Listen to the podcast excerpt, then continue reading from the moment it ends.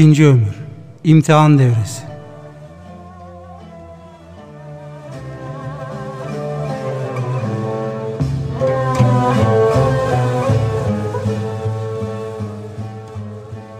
İnsanın doğum yoluyla annesinin karnından dünyaya çıkıp ölüm yoluyla dünyadan ayrılmasına kadardır. Bu ömürlerin ortası ve maksadıdır. Allah'ın emir ve yasaklarına karşı sorumluluk müddeti buradadır. İnsanın alacağı sevap veya göreceği ikab bu emir ve yasaklara riayet etmesine bağlıdır. Kul bundan sonra ya Cenab-ı Hakk'a komşu olarak ebedi cennette kalacak ya da Allah'tan uzak kalıp ebedi azap çekecektir. İnsanlar ömrün bu devresinde de birbirlerinden çok farklıdırlar. Ömürlerinin uzunluğu ve kısalığı bakımından ve diğer birçok bakımlardan birbirlerinden farklı bulunurlar. Bu ömürden sonraki berza benzer bir mukaddime bu ömürden önce vardır. Ahiret işleri bu hazırlık devresinde kararlaştırılır ve ölümden sonraki üstünlük dereceleri burada belirlenir. İnsanda ölümünden önce bulunan dünya işlerinin manalarından bir kısmı da orada saklı kalır. Bu ömrün hazırlık devresi diye zikrettiğimiz devre, insanın ana karnında bulunduğu devredir. İnsanda görülecek dünya işlerinin manalarından bir kısmı, ana karnından çıktıktan sonra görülür. İnsanın surplerde babasının belinde ve rahimlerde bulunuşunun manalarından bir kısmı da orada kalır. Çünkü insan ana karnına gelmeden evvel uzun bir devre geçirmiştir. Cenab-ı Hak insanı nasıl yarattığını başından itibaren aldığı tavırları Yüce Kitabının birden fazla yerinde anlatmıştır. Andolsun biz insanı çamurdan süzülüp çıkarılmış bir özden yarattık. Sonra onu emin ve sağlam bir karar yerine yani rahimde nutfe haline getirdik. Sonra nutfeyi bir kan pıhtısı haline soktuk. Sonra kan pıhtısını bir çiğnem et yaptık. Bu bir çiğnem eti kemiklere, iskelete çevirdik ve bu kemiklere et giydirdik. Sonunda onu bambaşka bir mahluk olarak şekillendirdik. Yaratanların en güzeli Allah'ın şanı ne yücedir. Mü'min 12-14 Yine Cenab-ı Hak şöyle buyurmuştur. Ey insanlar! Eğer yeniden dirilmekten şüphedeyseniz şunu bilin ki biz sizi topraktan, sonra nutfeden, sonra pıhtılaşmış kandan, sonra hilkati belli belirsiz bir çiğnem et parçasından yarattık.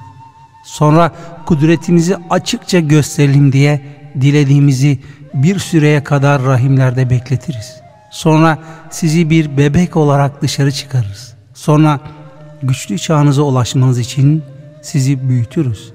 İçinizden kimi vefat eder, yine içinizden kimi de ömrün en verimsiz çağına kadar götürürüz.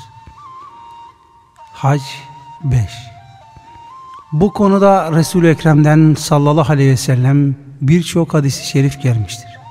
Bunların en geniş ifadelisi Abdullah İbni Mesud'dan gelen ve sahihinde rivayet edilen hadis-i şeriftir. Her sözü doğru ve doğrulanmaya layık Resul-i Ekrem şöyle anlatmışlardır. Sizden her birinizin yaratılışı nutfeden başlamak üzere anasının karnında 40 günde toparlanır. Bu kadar müddet içinde 40 günde kan pıhtısı olur. Yine bu kadar daha müddet içinde bir çiğnem et olur. Sonra Allah meleği gönderir ve ona ruh üfler. Sonra dört konuyla emrolunur. Rızkı, eceli, ameli, sait veya şaki olduğu yazılır. Kendisinden başka ilah bulunmayan Allah'a yemin ederim ki içinizden biri cennet ehlinin amelini işlemeye devam eder ve cennetle arasında bir zira kadar mesafe kalır. Yazgısı onun özüne geçerdi.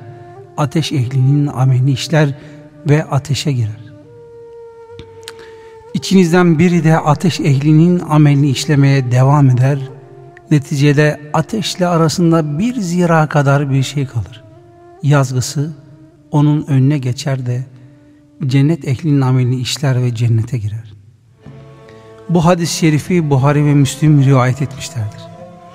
Asileri bir kenara bırakacak olursak, bu hadis-i şerifte itaatkarları ve ihsan erbabını korkutacak bir haber vardır. Sonra insan Allah'ın dilediği müddet kadar annesinin karnında kalır da ondan sonra çıkar. Bu nokta onun dünya ömrünün başlangıcıdır. Allah bu ömrün başlangıcını kitabında açıklamıştır. İnsanın tavırdan tavıra, halden hale nasıl girdiğini anlatmıştır. Sonra sizi bebek olarak dünyaya çıkarır. Sonra güçlü kuvvetli zamanınıza ulaşırsınız. İçinizde bundan önce vefat edenler vardır. Bir de bilen bir kimse olduktan sonra bir şey bilmez hale gelmesi için ömrün en verimsiz çağına kadar götürülen vardır. Hac 5 Bir başka ayette sonra yaşlılar olmanız için böyle yaparız. İçinizde yaşlanmadan ölenler vardır. Belirlenmiş bir müddete kadar yaşayanlar vardır. Bu aklınızı başınıza toplamanız içindir.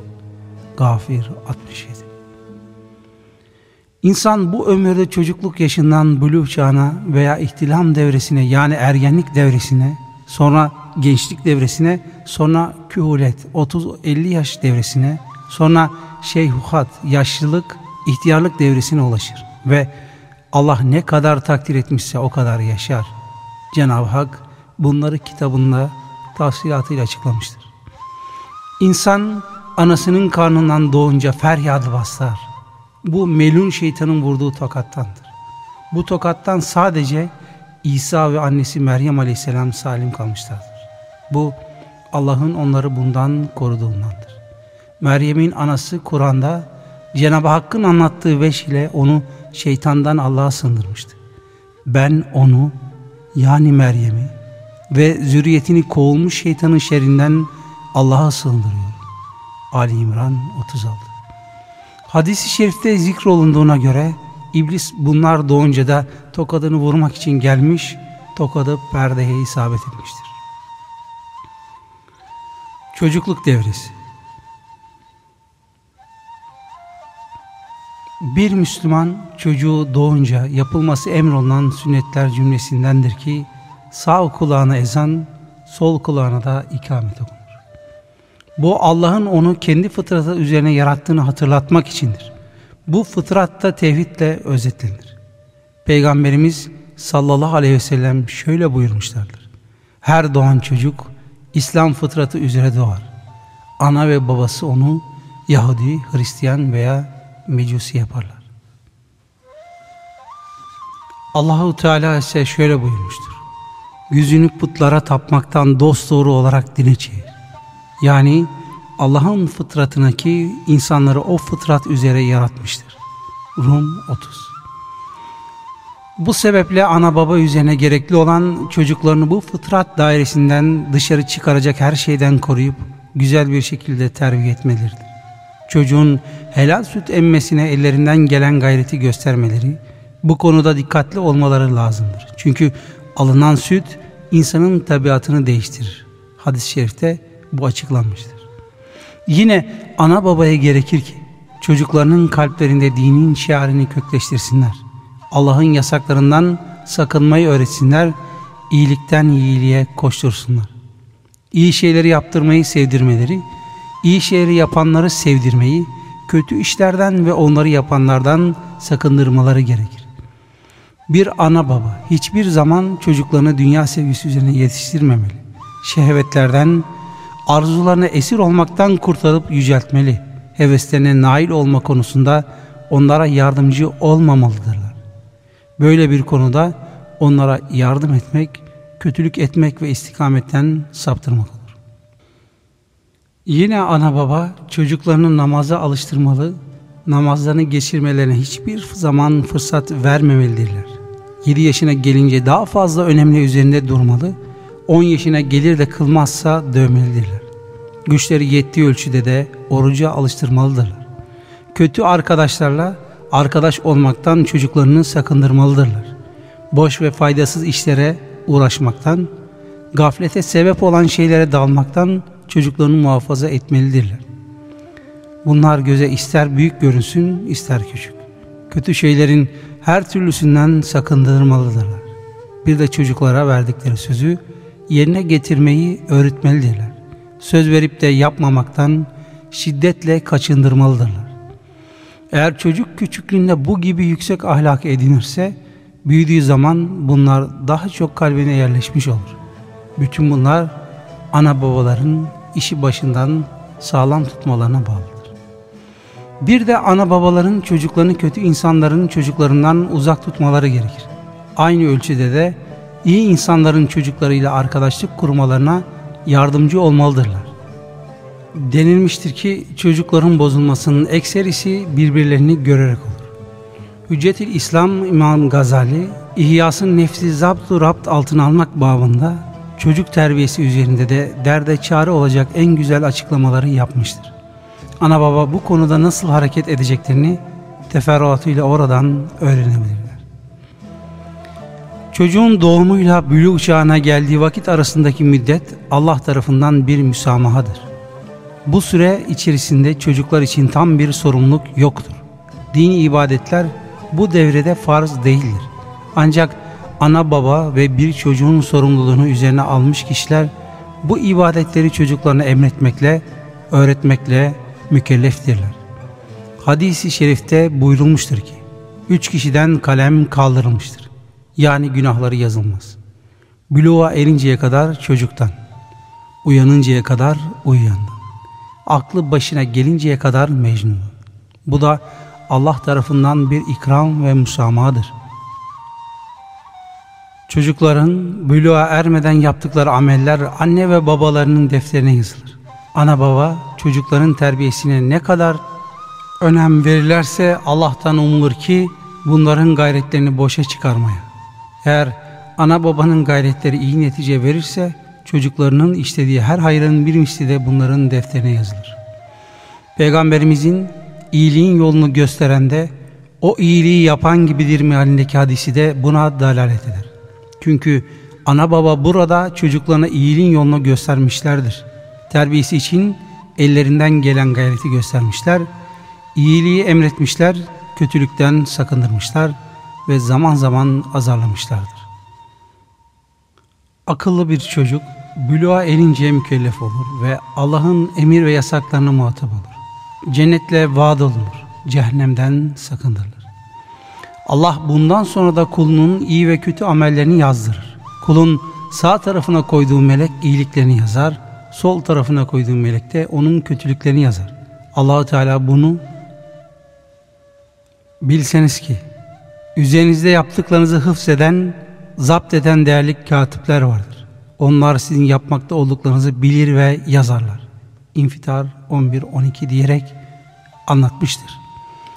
Kaf suresinde de çünkü onun sağında ve solunda oturan, her davranışı yakalayıp tespit eden iki melek vardır. İnsan hiçbir söz söylemez ki dediklerini zapt eden, kaydeden bir melek hazır bulamaz. Kaf 17-18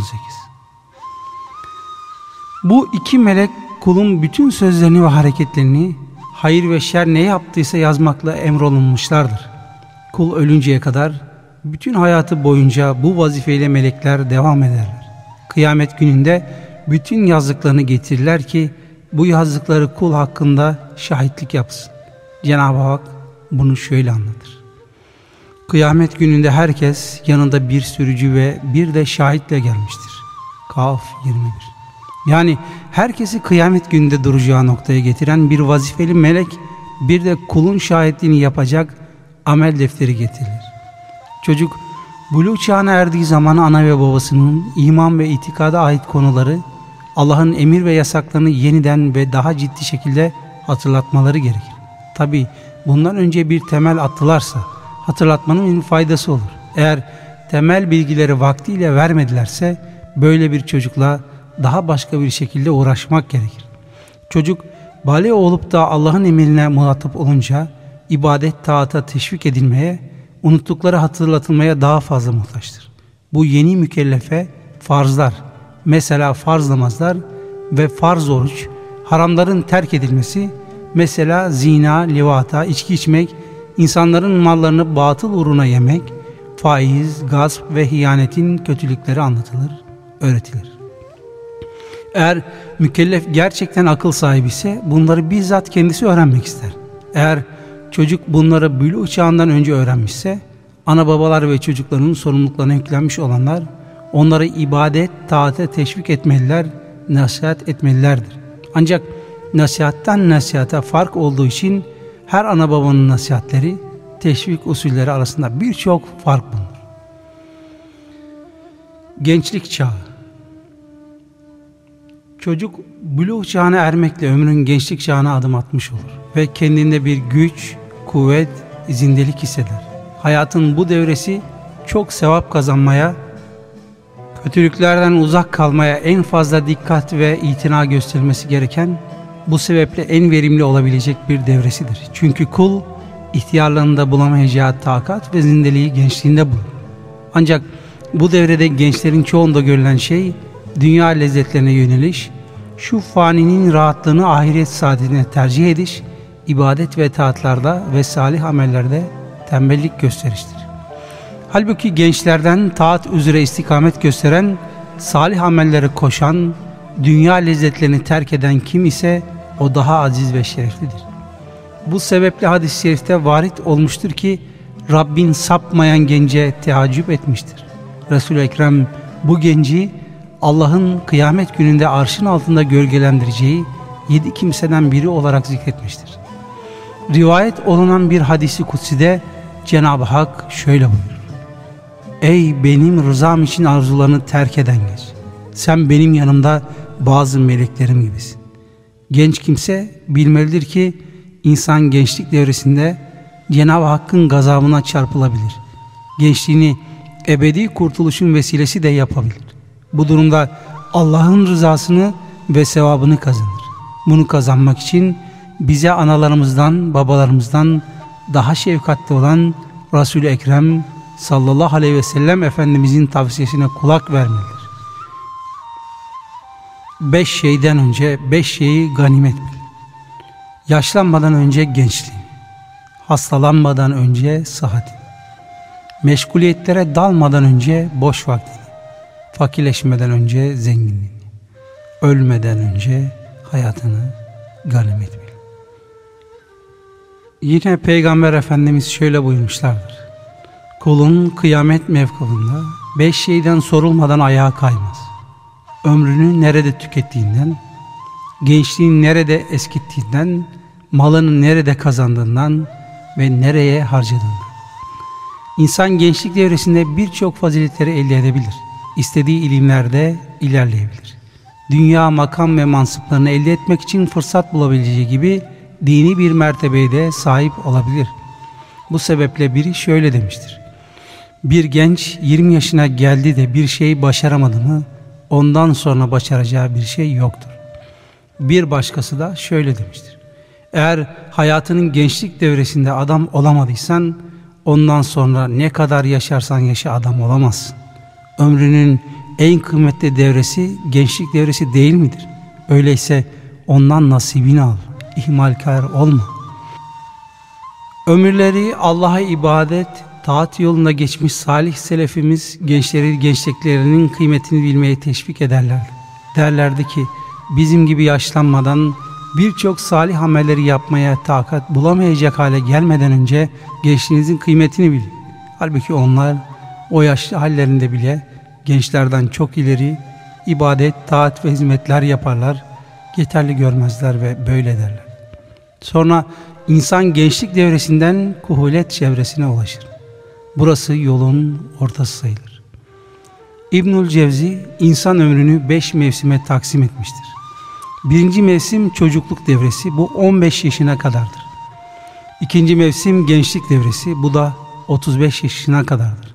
Üçüncü mevsim kuhulet devresi bu da 50 yaşına kadardır. Dördüncü mevsim şeyhuat, yaşlılık, ihtiyarlık devresi. Bu da 70 yaşına kadardır. Beşinci mevsim kiber devresi. 70'ten sonraki devredir. Alimlerden bazıları da insan ömrünün çeşitli mevsimlere taksim etmişler. Hepsi de yaklaşık olarak yukarıda yazdığımıza benzemektedir.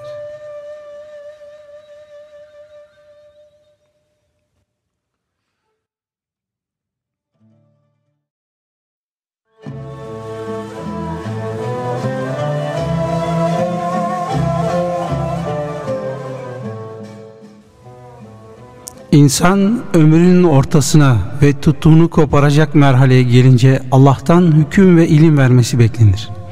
Allah da bunu ancak layık olana verir. Böyle bir kulda Allah'a dönüş duyguları canlanır. Böyle bir kul Allah'ın murakabesindedir. allah Teala bazı peygamberlerinden bahsederken olgunluk çağına ulaşınca ona hüküm ve ilim verdi. İşte biz güzel hareket edenleri böyle mükafatlandırırız. Yusuf 22 buyurmuştur. Yine Allah şöyle anlatıyor. Kul olgunluk çağına ulaşıp 40 yaşına da geldiğinde şöyle der. Ya Rabbi bana anne ve babama verdiğin nimete şükretmemi ve senin razı olacağın faydalı işler yapmamı temin et. Benim için de zürriyetim içinde iyiliği devam ettir. Ben sana döndüm. Elbette ki ben Müslümanlardan. Ahkaf 15 Allah peygamberimize vahyini 40 yaşına girince gönderdi ve onu bütün insanlara müjdeleyici ve uyarıcı olarak gönderdi. İnsan kühulet yaşına gelince insan için kendisini idrak etmesi gerekir. Bu devreden sonra insanın yaratılışından maksat nedir? İyilik, kötülük, uygunluk, bozukluk, her şeyin alametleri insanın gözüne gerçeğiyle görünür olmalıdır. Eğer insan 40 yaşına gelir de iyiliği kötülüğüne galip gelmezse şeytan bu kimsenin yüzünü sıvar ve babam hakkı için söylüyorum ki felah bulmayacak bir yüz der. Şöyle de söylenmiştir. Kim 40 yaşına gelir de iyiliği kötülüğünden fazla olmazsa ateşe hazırlansın. 40 yaş Allah'ın şu ayetinde kastettiği ömür miktarıdır. Sizi öğüt alacak kimsenin öğüt almasına yetecek müddet kadar ömürlendirmedik mi? Üstelik size uyarıcı da gelmişti. Fatır 37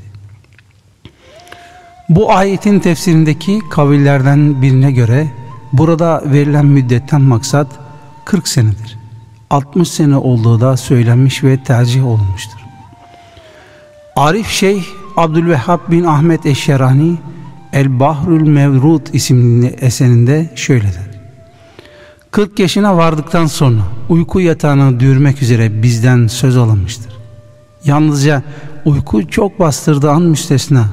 Her nefeste artık ahirete yolcu olduğumuzdan gafil olmamız için yine bizden söz alınmıştır. O hale gelmeliyiz ki dünyada olmaktan rahat edemeyecek olmalıyız. 40 yaşımıza vardıktan sonraki bir zerreyi bundan önceki 100 seneye denk görmemiz lazımdır. Yine 40 yaşından sonra rahatımız olmamalı, bir vazifeyi elde etmek için kapı kapı dolaşmalıyız ve dünyadan hiçbir şeye sevinmemeliyiz. Bunun sebebi 40'tan sonraki ömrün darlığıdır. Gaflet, boş işler, oyun ve oyalayıcı şeyler, insanın artık hayallerden kurtulması gereken bir devrede ona hiçbir zaman yakışmaz. İmam Malik şöyle buyururdu. 40 yaşına kadar fıkıh tahsiliyle uğraşmış nicelerini gördü. Bu yaştan sonra artık şimdiye kadar öğrendikleriyle amel etmeye başladılar. Kaşlarını kaldırıp da dünyaya bakacak vakitleri kalmadı. İmam Şafii Rahimahullah 40 yaşına girince asa kullanmaya başladı. Kendisine bunun sebebi sorulunca yolcu olduğumu hatırlamam için Allah'a yemin ederim ki kendimi kafeste mahpus bir kuş gibi görüyorum. Kuşun tamamı kafesten dışarı çıkmış, bir ayağı da kafesin kenarına takılmıştır. Şimdi ben de öyleyim. İçimde dünyada kalma arzusu kalmamıştır. Arkadaşlarımın hiçbiri bana dünyadan hiçbir şeyi sadaka olarak veremezler. Bana dünya ahvalinden hatırlatmalarına da lüzum yoktur. Ancak şerran lazım olan şeyler müstesna.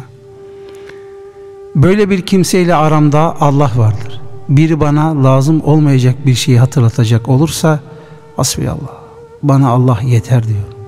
Allah bütün kardeşlerimi böyle kılsın. Amin. Ve İbn-i Münebbih şöyle demiştir. Dördüncü kat semadaki bir çağrıcı her sabah şöyle çağırır. Ey 40 yaşına girenler! Siz biçilmesi yaklaşmış ekinler gibisiniz. 50 yaşına girenler ahiret için ne hazırladınız? Geriye ne bıraktınız? 60 yaşına girenler özür beyan etmeyi düşünmeyiniz. Keşke yaratılanlar yaratılmasaydılar. Madem yaratıldılar ne olur niçin yaratıldıklarını bilselerdi. Kıyamet saati gelmiştir. Hemen tedbirlerinizi alın. Sonra insan kühulet çağından şeyhuhat yani yaşlılık çağına ulaşır. İbnül Cevzi'nin zikrettiğine göre bu devre 50-70 arasıdır. Allahu Teala şöyle buyurmuştur. Sonra o sizi dünyaya bebek olarak çıkarıyor. Sonra olgunluk çağına ulaşıyorsunuz. Sonra ihtiyarlar oluyorsunuz. İçinizden kimileri bu yaşlılık devresine ulaşmadan ölür. Bu belirlenmiş bir müddete ulaşmanız içindir. Ne olur bunları anlasanız. Gafir 67 İnsan ihtiyarlık yaşına girince zaaf başlar, kuvvet azalır, takiat kıtlaşır. Peygamber Efendimiz sallallahu aleyhi ve sellem ömrün 60-70 arasını ömrün duygularının çarpıştığı devre olarak adlandırmıştır. Nitekim bir hadis-i şeriflerinde şöyle buyurmuşlardır. Ümmetimin vefatları umumiyetle 60-70 arasındadır. Peygamber Efendimiz de rivayetlerin sahihine göre 63 yaşlarında vefat etmişlerdir. Ebu Bekir, Ömer ve Ali radıyallahu anh de 63 yaşlarında vefat etmişlerdir. Osman radıyallahu anhum 80 yaşını geçinceye kadar yaşamıştır. Allahu Teala yukarıda geçtiği şekilde sizi düşünüp öğüt alanının almasına yetecek müddet kadar ömürlendirmedik mi buyurmuştur. Bunun arkasından üstelik size uyarıcı da geldi buyurmaktadır. Bu verilen müddetin 60 sene olduğu rivayet edilmiştir. Uyarıcı Kur'an, peygamber veya yaşlılıktır.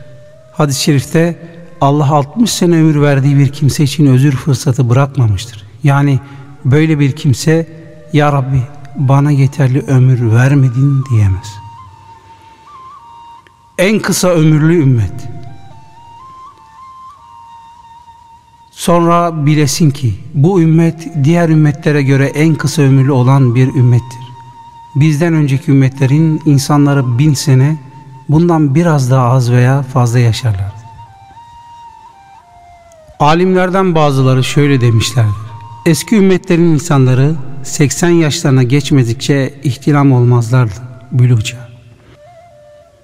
Rivayet olunduğuna göre 200 yaşında ölen birini gördükleri zaman ömrün ne kadar azimmiş diye üzülürlerdi. Rivayet olunduğuna göre Peygamberimiz ümmetinin ömürlerinin diğer ümmetlerin ömürlerine göre kısa olduğunu görünce ömürlerinin kısalığından dolayı Allah'a tazarru ve niyazda bulundu. Allah'a ibadet ve taate ayıracakları vaktin kısalığını hesap etti. Ahiretteki dereceleri düşük, alacakları sevap az olur diye üzüldü. Allah da bu ümmete bin geceden daha hayırlı olan Kadir gecesini ihsan etti ömürlerini uzatmak ve sevaplarını çoğaltmak için böyle bir ikramda bulundu ki bu geceyi ihya eden bir Müslüman bin ay süreyle geceleri ihya etmiş gibi olsun. Bu da hesap edilecek olursa 80 sene 4 ay eder. 12 sene süreyle Kadir gecesini ihya eden bir Müslüman Allah'a ibadetle bin seneyi biraz daha fazlasıyla ihya etmiş olur. Bunu düşün ve anla ki Cenab-ı Hak Resulü Ekrem hürmetine bu ümmete ne büyük ikramda bulunmuştur. Resul-i Ekrem Efendimizin ümmetine merhametini de anla ki ümmeti için neleri hesap etmiş, Cenab-ı Hak'tan neler istemiştir. İnsan ihtiyarlık yaşına girdiği zaman Allah'a dönüş duyguları devreye girer. İnsan ahiret hazırlığına önem verme ihtiyacı hisseder. Dünyayı bırakır, hep ahireti düşünür. Allah'ın muvaffak kıldığı kimse ahiret ameline sağlam yapışır Artık hayatın bu devresi ahiret duygusunun kalbe tam çöktüğü, Allah korkusunun tam yerleştiği bir devre olup bütün boş ve oyalayıcı şeylerden uzak yaşanması gereken bir devredir. Buna dikkat etmeyen ihtiyarların halleri kötü, tuttukları yol çirkin görülür. Hadis-i şerifte buyurulduğuna göre kıyamet gününde Allah üç sınıf insanla konuşmaz. Onlara bakmaz ve temize çıkarmaz. Bunlara pek acıklı bir azap vardır. Bunlardan birini zina eden ihtiyar olarak saymıştır. Bu çirkin fiil kimden sadır olursa olsun çirkindir. Fakat ihtiyarlarda böyle bir durumun görülmesi çok daha çirkindir. Bir insan ihtiyarlık yaşına geldiği zaman artık Allah'tan korkmalı ve utanmalıdır. Saç ve sakalın ağarması. Bu yaşlarda insanın saçında sakalında ağarma görülür. Hadis-i şerifte bildirildiğine göre böyle bir durum eğer müminde zuhur ederse nurdur. Bir kimse eğer Müslüman olarak ihtiyarlarsa saçının sakalının ağarması onun için bir nurdur buyurulmuştur. Bize ulaştığına göre ilk saçı ağaran İbrahim aleyhisselam olmuştur. Saçında aklı görünce Ya Rabbi bu nedir diye sormuş. Allah da ağır başlılıktır buyurmuş. İbrahim de Ya Rabbi öyleyse bundan bana daha çok ver demiştir. Saç ağarması hatırlatıcıdır. Yani ecelin yaklaştığını hatırlatır. Yolculuk yaklaştı der. İnsan çok yakında bir alemden bir başka aleme gidecektir. Denilmiştir ki ak saçlar ecelin habercisidir. İnsanın kalbindeki arzuları da kovup temizler. Yine denilmiştir ki insanın saçı sakalı ağardıktan sonra içinde hala günah arzusunun bulunması ne kadar çirkindir. Hatip İbn Nebate şöyle demiştir. Yaşlılık hayatın doldurulması imkanı olmayan bir boşluğudur. Bütün bir ömür yaşlılığın eğrilerini düzeltemez. Bu insanın nefeslerinin artık son bulmaya başladığının ve insanın toprağa gideceğinin habercisidir. Sakın ak saçlarınızın nurunu günahlarınızın ateşiyle söndürmeyiniz. Peygamberimiz şöyle nakletmiştir. Allahu Teala şöyle buyurdu. İzzet ve celalime ve yarattıklarımın bana muhtaçlığına yemin ederim ki Müslümanca yaşayarak kocayan erkek ve kadın kuluma azap etmekten haya ederim. Peygamber Efendimiz Cenab-ı Hak'tan bunu rivayet edince ağladı. Seni ağlatan nedir ya Resulallah diye sorulduğunda Allah'ın azap etmekten haya edip de Allah'tan haya etmeyen yani utanmayan kimseye ağlıyorum. Yaşlılara hürmet. Dinimizde yaşlılara hürmet etmek faziletler cümlesindendir. Peygamberimiz şöyle buyurmuşlardır. Yaşlı bir Müslümana hürmet etmek Allah'a büyük saymak cümlesindendir. Kur'an'ın hakkına riayet eden hafızlara, Kur'an'ı elinden bırakmayan salihlere ve adil devlet başkanı hürmet etmekte Allah'ın emrini yüce saymak cümlesindendir. Peygamber Efendimiz yine şöyle buyurmuşlardır. Büyüklerimize saygı göstermeyen, küçüklerimize merhamet etmeyen, iyiliği emretmeyen, kötülükten sakındırmayan bizden değildir. Peygamber Efendimiz yine şöyle buyurmuşlardır. Bir genç bir ihtiyara hürmet ederse Allah da o ihtiyarladığı zaman ona hürmet eden gençler ihsan eder. İmam Gazali Rahimahullah şöyle demiştir. Bir Müslümanın ömrünün uzun olmasında onun için müjdeler vardır. Bunun içinde saklı ecirler vardır. Ağarmış saç ve sakalı sarıya veya kına rengine boyamak müstahaptır. Siyah boyanması haramdır. Yalnızca Allah yolunda savaşan mücahitler düşmana korku vermesi için siyaha boyayabilirler. İnsan bundan sonra yani şeyhuhat devresinden sonra ömrü olursa herem ve kiber devresine yani gücünün kuvvetinin tükendiği devreye girer. Bu İbnül Cevzi'nin dediğine göre 70'ten sonrasıdır. İnsan 70'ten sonrasına yaşasa bile bu devresinde ona şeyh yani ihtiyar denir. İnsana bu devresinde zaaf gelir. Bütün duygu organları ve diğer azaları eski canlılığını yitirir. Allahu Teala bunu şöyle anlatmıştır. O sizi zaaftan yarattı. Bu zaaftan sonra size kuvvet verdi. Bu kuvvetten sonra size tekrar zaaf verdi ve ihtiyarlattı. Allah neyi dilerse onu yaratır. O her şeyi hakkıyla bilen, her şeye gücü yetendir. Rum 54 İnsan eğer yaşarsa bu devreden sonra hayatın erzel devrine yani erzeli ömrü devresine intikal eder. Allahu Teala şöyle buyurmuştur. İçinizden erzeli ömre bırakılanlar vardır. Bu çok şeyi bildikten sonra bir şey bilmemesi içindir. Hac 5 Bu devre tamamen çöküntü devresidir ve Peygamber Efendimiz dualarında ömrün bu devresine bırakılmamayı Allah'tan istemiştir. Ya Rabbi erzeli ömre bırakılmaktan sana sığınırım. Birden fazla hadiste geçtiği gibi Peygamberimiz yaşlılığın kötü olduğu devreye kalmaktan Allah'a sığınmıştır. Zebur'da şöyle yazılmıştır. Kim yetmişine gelirse bir hastalığı olmaksızın şikayet eder. Veya bir hastalığı olmasa da şikayette bulunur. Huzeyfe bin Yaman radıyallahu anh'dan rivayet olunduğuna göre şöyle demiştir. Resul-i Ekrem'e Ya Resulallah ümmetin ömürleri ne kadardır? Peygamberimiz de şöyle buyurmuştur. 60-70 arasıdır. Dediler ki Ya Resulallah 70 yaşına gelenlere ne dersiniz? Peygamberimiz ümmetimden 70'ine gelenler azdır. Allah 70'ine gelenlere rahmet etsin. 80'ine gelenlere rahmet etsin buyurdular. Denilmiştir ki eğer rahatsızlığın 70 yaşına gelmiş olman ise bunun ölümden başka devası yoktur.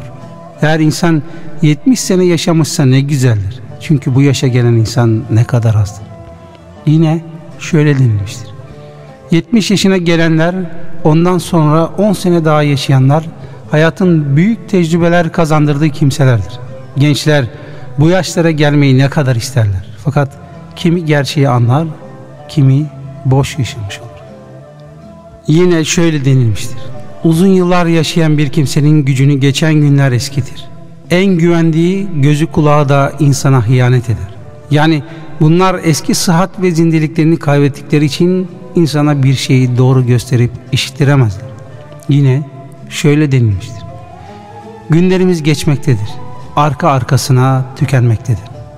Halbuki biz bu arada gözlerimiz göre göre kabre sevk edilmekteyiz. Bilmeliyiz ki geçen gençliğimiz tekrar bize dönmeyecek. Gelen ihtiyarlıkta bizi bırakıp gitmeyecektir. Yine şöyle denilmiştir. Hayatın aletleri sağlık ve gençliktir. Bunlar insanın arkasını dönüp gittikleri zaman tekrar geri gelmezler. İhtiyarlanan kimse bundan sonra der ki nedir bu hayat? Baştan sona zaaflarla dolu bir şey.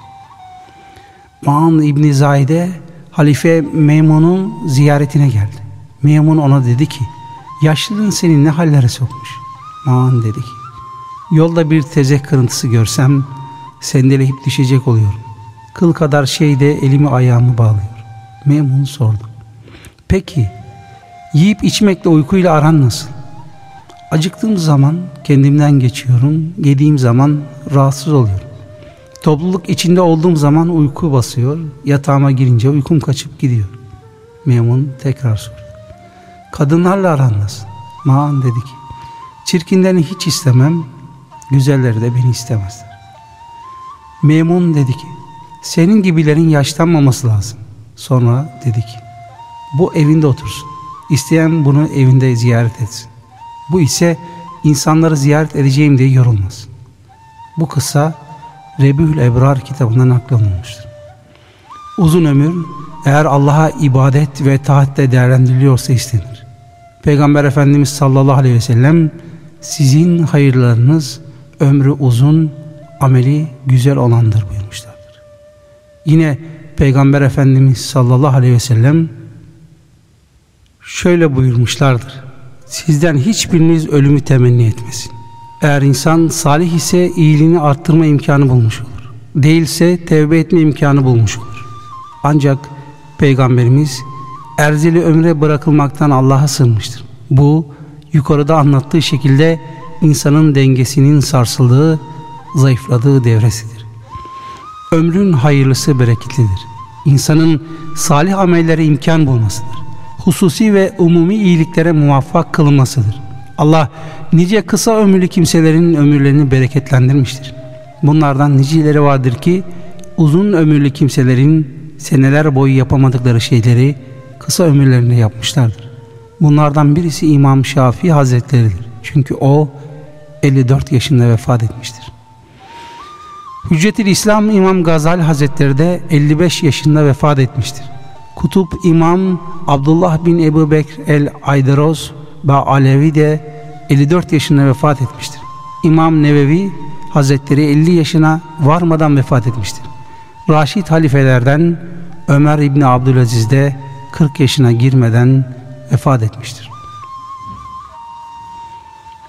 Bunlardan başka büyük imamlardan niceleri vardır ki ömürleri uzun olmamış fakat yaptıkları hizmetler ve iyilikler bütün ülkeleri ve insanları kuşatmış Allah dilediği kimseleri bunlardan faydalandırmıştır. Muhammed ümmetinin bereketi çok büyüktür. Bu ümmet başka hiçbir ümmetin sahip olmadığı şerefe sahiptir. Ümmeti Muhammed diğer ümmetlere göre ömürleri en kısa olan ümmettir. Sonra umumiyetle bu ömür ya bir hastalıkla ya da hastalıksız son bulur. Hastalıksız ölüm seyrektir ama vakidir. Bu seyreklik bir hastalıktan sonra ölenlerin çokluğuna göredir. Hüccetül İslam İhyası'nın tuğlu emelden sakındırdığı bölümünde der ki, eğer umumiyette ölüm bir hastalıktan sonra vuku buluyor, ani ölümlerin vuku çok seyrek görülüyor diyecek olursan bilesin ki bir insana ani ölüm her zaman gelebilir. Ani ölüm gelmezse de ani hastalık her zaman gelebilir. Hastalık geldiği zaman da ahiret azığı olan salih amellerden hiçbirini huzurla yerine getiremez. Yine bilesin ki uzun emeli terk etmek ve ölümü çok hatırlamak müstahaptır. Uzun emel sahibi olmak ve ölümü unutmak ise mekruhtur ve bundan sakındırılmıştır. Allahu Teala şöyle buyurmuştur. Ey iman edenler! Mallarınız ve çocuklarınız sizi Allah'ı anmaktan alıkoymasın. Kim bu bahaneler sebebiyle kendini aldatırsa bunlar ziyana uğrayanların ta kendileridir. Size ölüm gelip de Ya Rabbi ne olur beni yakın bir müddete kadar daha bıraksaydın da doğru bir insan olsaydım, sadakaları verseydim, salihlerden olsaydım demeden önce size rızık olarak verdiğim şeylerden infak edin. Allah hiçbir kimseyi eceli geldiği zaman geciktirmez. Allah sizlerin ne yapmakta olduklarınızdan haberdardır. Yahut Allah sizin hepinizi denemiştir. Münafıkun 9-11 Yine Allahu Teala şöyle buyurmuştur. İman edenlerin Allah'ı anarak kalplerinin ürpereceği ve kendilerine inen haktan, Kur'an'dan kalplerinin titreyeceği an gelmedi mi? Bir de kendilerinden önce kitap verilenler gibi olmayacakları zaman gelmedi mi? Onların üzerinden uzun bir zaman geçti de kalpleri katılaştı. Onlardan birçoğu yoldan çıkmış kimselerdir. Hadid 16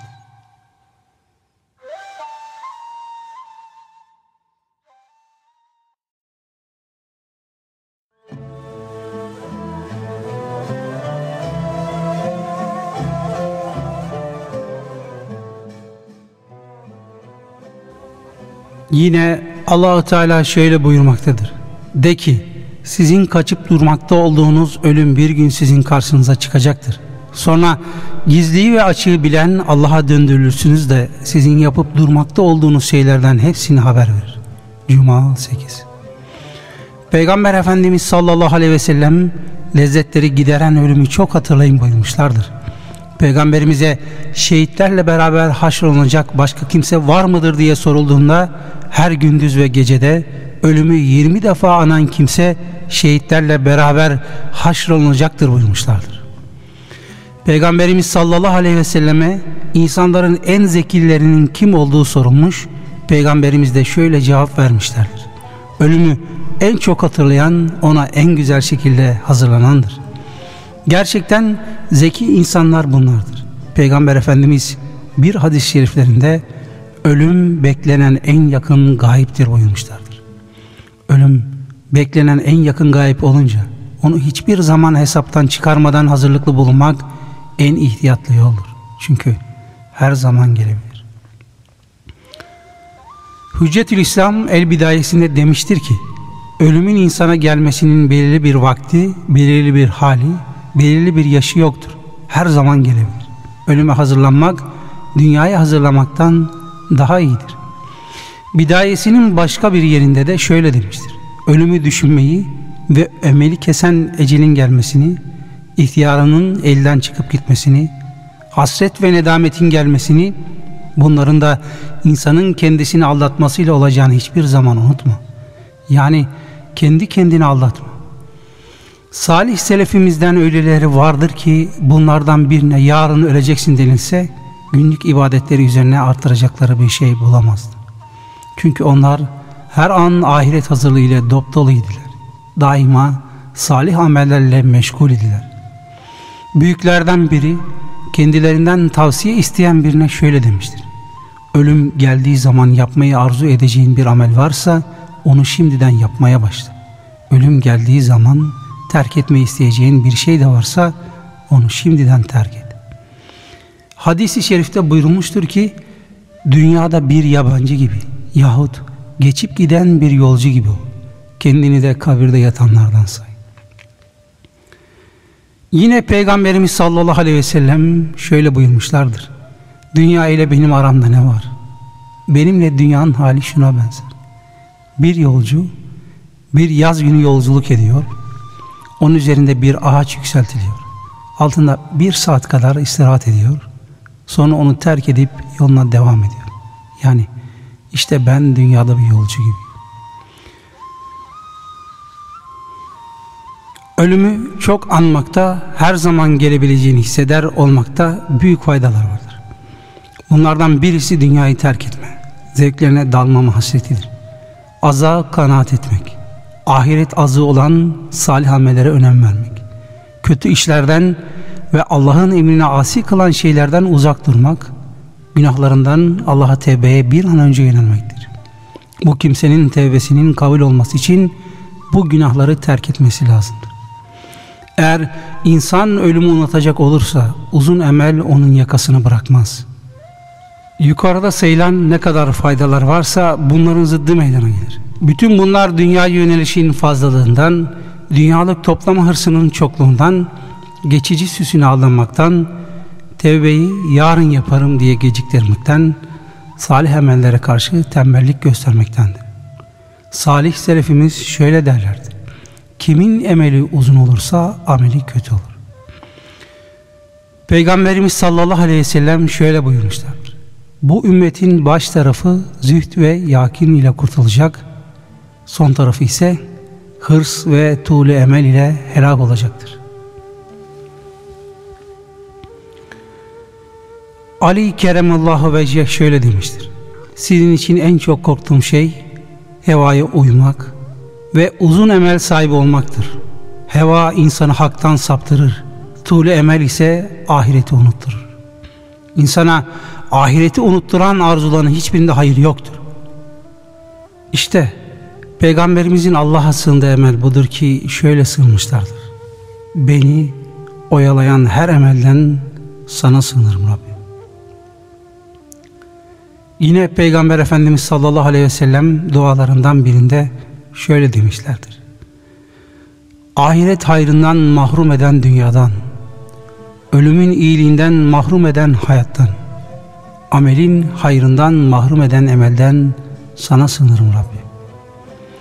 İnsana dünyada fazla kalacağı hissi galip olursa dünyaya daha çok önem verme duygusu galip olur. Dünyalık toplamaya koyulur ve ahiret unutur dönüş hazırlığını bırakır. Böylelerini ölüm çar çabuk ve bir anda yakalayıverir. Neticede hayırlı amellerden iflas etmiş olarak Allah'a kavuşur, pişmanlıkla içi yanar. Halbuki şimdi pişmanlığın hiçbir faydası kalmamıştır. Böyle bir kimse ne olur hayatımda bir hazırlık yapsaydım, ey Rabbim ne olur beni geri çevir. Kalan ömrümde salih amel işleyeyim diye dövünecektir. Hayatı iyi mühürlemek. Sonra insan hastalanınca hemen tevbeye sarılması lazımdır. Bol bol istiğfar etmeli, Allah'ı çok zikretmelidir. O güne kadarki hatalarından, gafletlerinden özür dilemelidir. Çünkü bilemez. Belki o hastalığında ölebilir. Ecel bir anda gelebilir.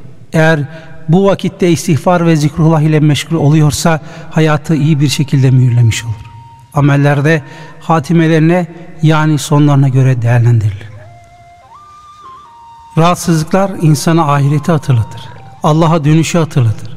Rahatsızlanan bir kimse vasiyet edeceği bir şeyi vasiyet etmelidir. Dünya ve ahiret işlerine ait söyleyeceği bir şey varsa söylemelidir. Özellikle kul hakları ile ilgili ne varsa hiçbirinin üstü kapalı ve sallantıda bırakmamalıdır. Kul hakkı meselesi çok zordur ve ondan kurtulmak kolay değildir. Hastalandığı zaman bir mümin Allah'a iyi zan beslemeli, bu iyi zannın en son noktası ne ise oraya ulaşmalıdır. Peygamber Efendimiz sallallahu aleyhi ve sellem sizden hiçbiriniz Allah'a iyi zan besler vaziyette olmaksızın ölmesin. Kulun Allah beni mağfiret eder zannını beslemesi, onun rahmetini ümit etmesi kalbine hakim olmalıdır. Çünkü Allahu Teala hadisi kutside şöyle buyurmuştur. Ben kulumun zannına göreyim ve kulum beni zikrettiği anda ben onunla beraberim. Peygamber Efendimiz hasta yatağında bir genci ziyarete gitmişti. Ona kendini nasıl buluyorsun diye sordu. O da Rabbimin rahmetini umuyorum, günahlarımdan korkuyorum dedi. Peygamberimiz sallallahu aleyhi ve sellem bunun üzerine şöyle buyurdular. Bu iki duygu bir müminin kalbinde toplanacak olursa Allah o kuluna umduğunu verir, korktuğundan da emin kalır. Bununla beraber ümit hali hasta bir kimsenin kalbine daha çok galip olmalıdır. Özellikle ölüm belirtileri görüldüğü zaman, eceli yaklaştığı zaman Allah hüsnü zan besleyerek onun rahmet ve keremini umarak ruhunu teslim edebilmesi için ümit halinin galip olması iyidir. Hadis-i şerifte kim Allah'a kavuşmayı isterse Allah da ona kavuşmayı ister. Kim Allah'a kavuşmayı istemezse Allah da ona kavuşmayı istemez. Bu manada şöyle de gelmiştir. Mümin bir kula ölüm geldiği zaman Allah'ın fazlı rahmetiyle müjdelenir ve bir an önce Allah'a kavuşmak ister. Allah da böyle bir kuluna kavuşmak ister. Münafık ise ölüm hali geldiği zaman Allah'ın azabıyla müjdelenir. Allah'a kavuşmak istemez. Allah da böyle bir kimseyle karşılaşmak istemez. Takva ehli müminler Allah'ın rahmetiyle müjdelenirler. Dünyadan çıkarken bu müjdeye nail olurlar ve ruhları cesetlerinden Allah'a bir an önce kavuşmak için uçarak çıkıp gider. Bu esnada melekler onlara selam verirler. Cennete gireceklerini müjdelerler. Size ne bir korku var ne bir üzüntü derler. allah Teala bunu şöyle anlatır. Melekler tertemiz olarak vefat ettirdikleri kimselere derler ki selam size. Amellerinizin karşılığı olarak girin cennete. Nahl 100 Yine allah Teala şöyle buyurmuştur. Rabbimiz Allah'tır dedikten sonra istikamet üzere devam edenlere melekler inerler. Korkmayınız, mahzun da olmayınız. Vaat olunduğunuz cennetle şimdiden sevinmeye başlayınız derler. Fusilet 30 Hasta gerek bedenine gerek elbisesine necaset bulaşmamasına dikkat etmelidir. Çünkü bu onu namazdan alıkor. Namazı hastayım diye terk etmemelidir. Gücü ne şekilde yetiyorsa o şekilde namazını muhakkak kılmalıdır. Oturarak, dayanarak veya kendisi için mümkün olan şekilde kılmalıdır. Dinin direği olan namazı terk etmek suretiyle amellerini boşa çıkarmamalıdır. Yakınlarından veya ziyaretine gelenlerden beklenen şey onu gücü nasıl yetiyorsa o şekilde namazı kılmasına teşvik etmektir. Bu konuda ona yardımcı olurlar, unuttuklarını hatırlatırlar. Rahatsız olan bir kimse bilmelidir ki aklı başında olduğu müddetçe namazın farziyeti devam etmektedir. Hastalığın müddetince La ilahe illa ente subhaneke inni kündüm mine zalim virdiğine devam etmelidir. Gelen haberler arasında varit olduğuna göre kim bunu 40 defa söyler de o hastalığında ölürse şehit olarak ölmüş olur. Aynı zamanda İhlas suresinde çok okumaya önem vermelidir. Resul-i Ekrem sallallahu aleyhi ve sellemin tavsiye ettikleri virtler cümlesinden olarak kim hastalığında La ilahe illallah ve Allahu ekber La ilahe illallah vahdehu la şerike leh La ilahe illallah lehül mülkü ve lehül hamd La ilahe illallah ve la havle ve la kuvvete illa billah bunlara devam ederse ve bu hastalığında ölürse ateş ona dokunmaz.''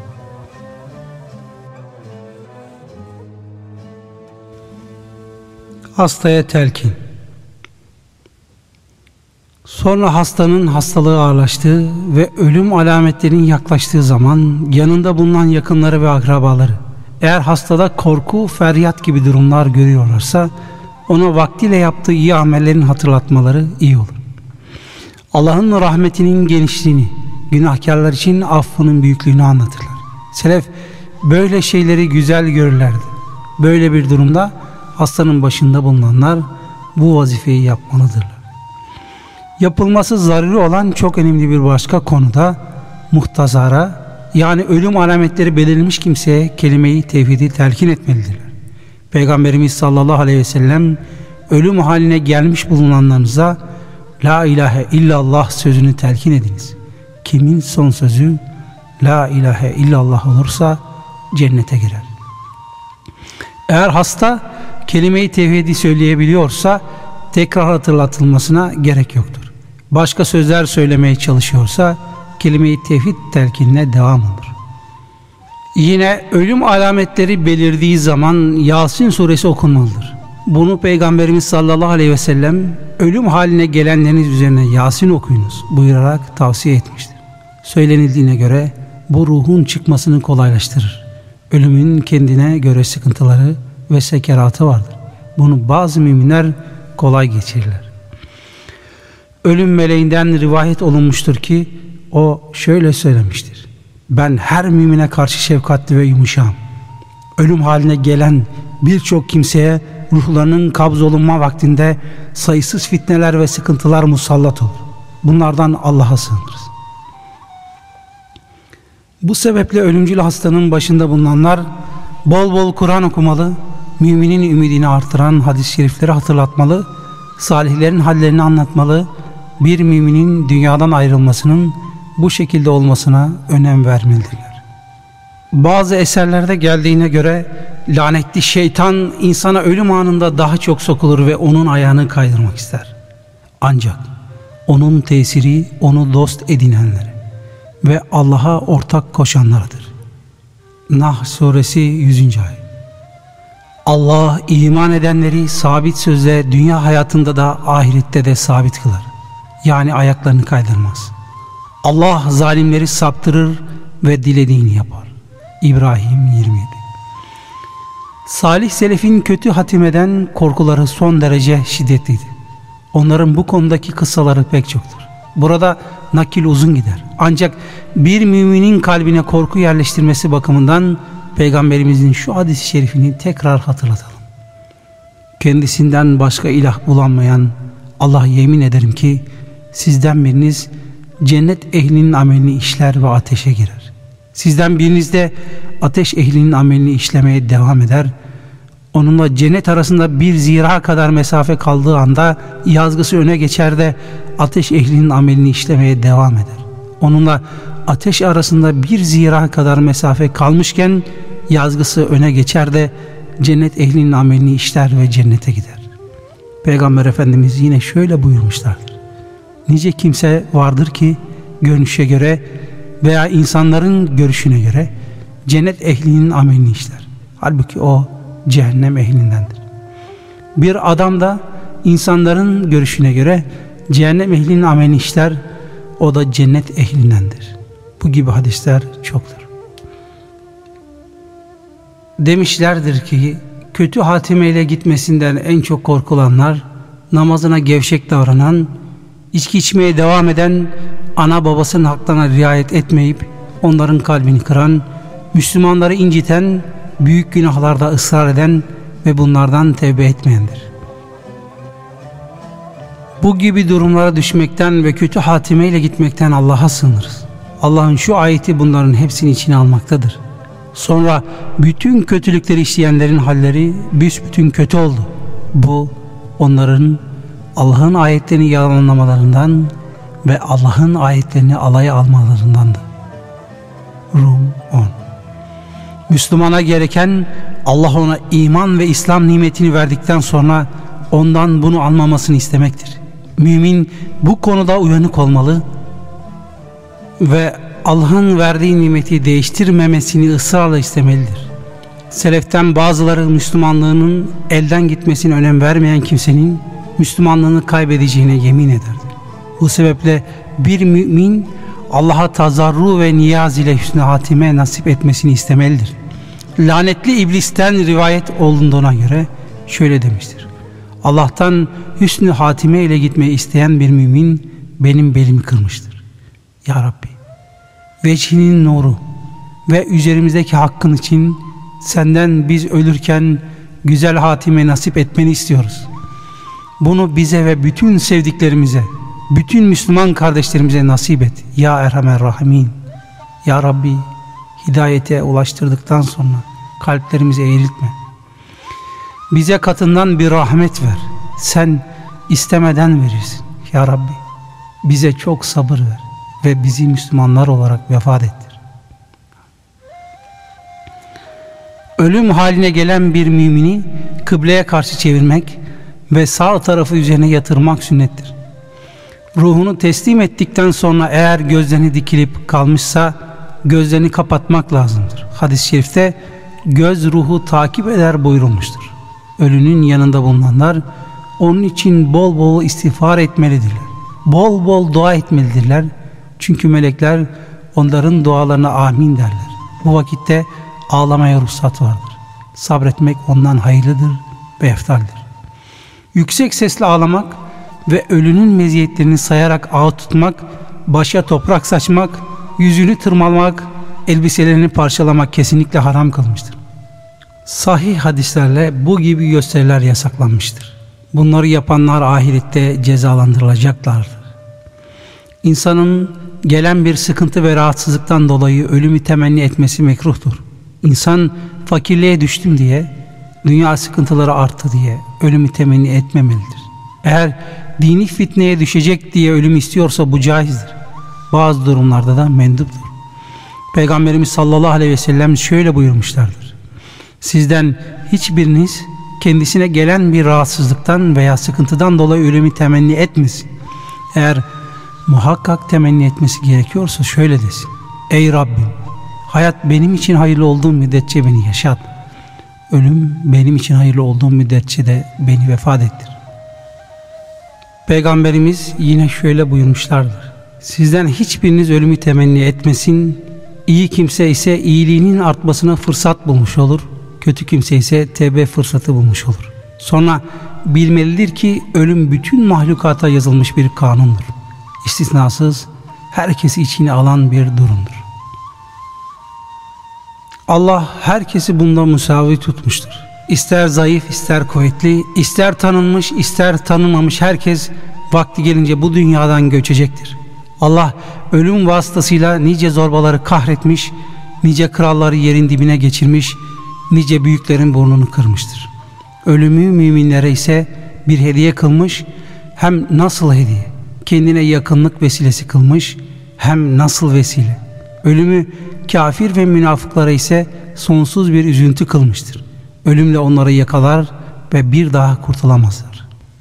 Cenab-ı Hakk'ın kudret ve kuvveti hiçbir şeyle ölçülemez. Devam ve beka ona mahsustur. Ölüm ve fenadan münezzehtir. O başlangıcı olmaksızın evveldir ve sonu olmaksızın ahirdir. Aziz kitabında şöyle buyurmuştur. Yeryüzünde ne varsa fanidir. Celal ve ikram sahibi Rabbinin zatı ise bakidir. Rahman 26-27 Allahu Teala yine şöyle buyurmuştur. Onun zatı müstesna her şey ölücüdür. Hüküm O'nundur ve siz O'na döndürüleceksiniz. Kasas 88 Yine şöyle buyurmuştur. Herkes ölümü tadıcıdır. Kıyamet gününde ecirleriniz tamamca verilecektir. Kim ateşten çekilip çıkarılır da cennete konulursa kurtuluşa ermiştir. Dünya hayatı ancak aldanma metadır. Ali İmran 185 Nasıl yaşarsan öyle ölürsün. Enes radıyallahu anh'tan rivayet olduğuna göre Peygamber Efendimiz sallallahu aleyhi ve sellem şöyle buyurmuşlardır. Doğan bir çocuk buluğa erinceye kadar ne hayır işlemişse ana babasının defterine yazılır. Eğer kötülük işlerse ona da ana babasına da yazılmaz. Büluğa erdikten sonra kalem işlemeye başlar ve Allah iki meleğine onu koruyup doğrultmasını emreder. Müslüman olarak 40 yaşına gelince Allah onu üç şeyden emin kılar. Cinnet getirmekten, cüzdandan ve alacı hastalığından. 50 yaşına gelince Allah onun hesabını hafifletir. 60 yaşına gelince istediği şekilde inabeye, kendine dönmeye muvaffak kılar. 70 yaşına gelince gök ehli onu severler. 80 yaşına gelince Allah onun iyiliklerinin yazılıp kusurlarının yazılmamasını emreder. 90 yaşına gelince Allah onun geçmiş ve gelecek günahlarını mağfiret eder ve kendi ev halkına şefaatçi kılar. O bundan sonra Allah'ın yeryüzündeki esiridir. Bildikten sonra bir şey bilmeyeceği erzili ömre ulaşınca Allah onun sıhhatli zamanında işlemeye devam ettiği iyiliklerini yazar, kötülük işlerse yazmaz. Bu hadisi Şeyh Ahmet bin Ali bin Ebil Kasım el Yemeni topladığı 40 hadisinde zikretmiştir. Peygamber Efendimiz sallallahu aleyhi ve sellem şöyle buyurmuşlardır. İnsan nasıl yaşıyorsa o şekilde ölür, nasıl ölürse o şekilde haşrolur.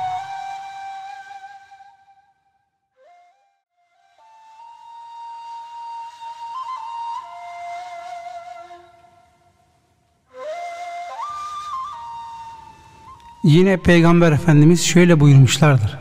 Allah kulunun iyiliğini murad ettiği zaman onu gasleder. Gaslin ne demek olduğu sorulduğunda ölmeden önce onu iyi amel işlemeye muvaffak kılar buyurmuşlardır. Yine Peygamber Efendimiz bir cenazeye uğradıkları zaman şöyle buyurmuşlardı. Ya rahat etmiş ya bundan rahat edilmiştir. Bunun ne demek olduğu sorulduğunda Peygamberimiz mümin kul Allah'ın rahmetine kavuşmakla dünyanın yorgunluklarından ve ezasından rahata kavuşmuş olur. Facirden de kullar ve şehirler, ağaçlar ve hayvanlar rahat etmiş olur buyurmuşlardır. Peygamberimiz sallallahu aleyhi ve sellem Ebu Zer'e Ya Ebu Zer, dünya müminin zindanıdır. Kabir onun emniyette bulunduğu yer, cennette gideceği yerdir. İbni Abbas radıyallahu anhuma şöyle demiştir. Bir müminin ölmekte olduğunu gördüğünüz zaman Allah üstü zan ile kavuşması için onu Allah'ın rahmetiyle müjdeleyiniz. Eğer hayatta ise Allah'ın azabı ile korkutunuz. Ali radıyallahu anh şöyle demiştir. Mümin öldüğü zaman dünyada onun namaz kıldığı yer ve gökte amelinin yükseldiği yer ağlar. Hazreti Ali sonra kafirlere göğün ve yerin ağlamadığını anlatan Duhan suresi 29. ayeti okudu. Gök ve yer onlara ağlamadı. Peygamber Efendimiz şöyle buyurmuşlardır. Kim Ramazan çıkarken vefat ederse cennete girer. Kim Arefe gününün bitiminde vefat ederse cennete girer. Kim sadaka verişinin akabinde vefat ederse cennete girer. Peygamber Efendimiz yine şöyle buyurmuşlardır. Kim cuma gecesi veya gündüzü vefat ederse kabir azabından kurtarılır. Kıyamet günü de üzerinde şehitlerin siması ile gelir.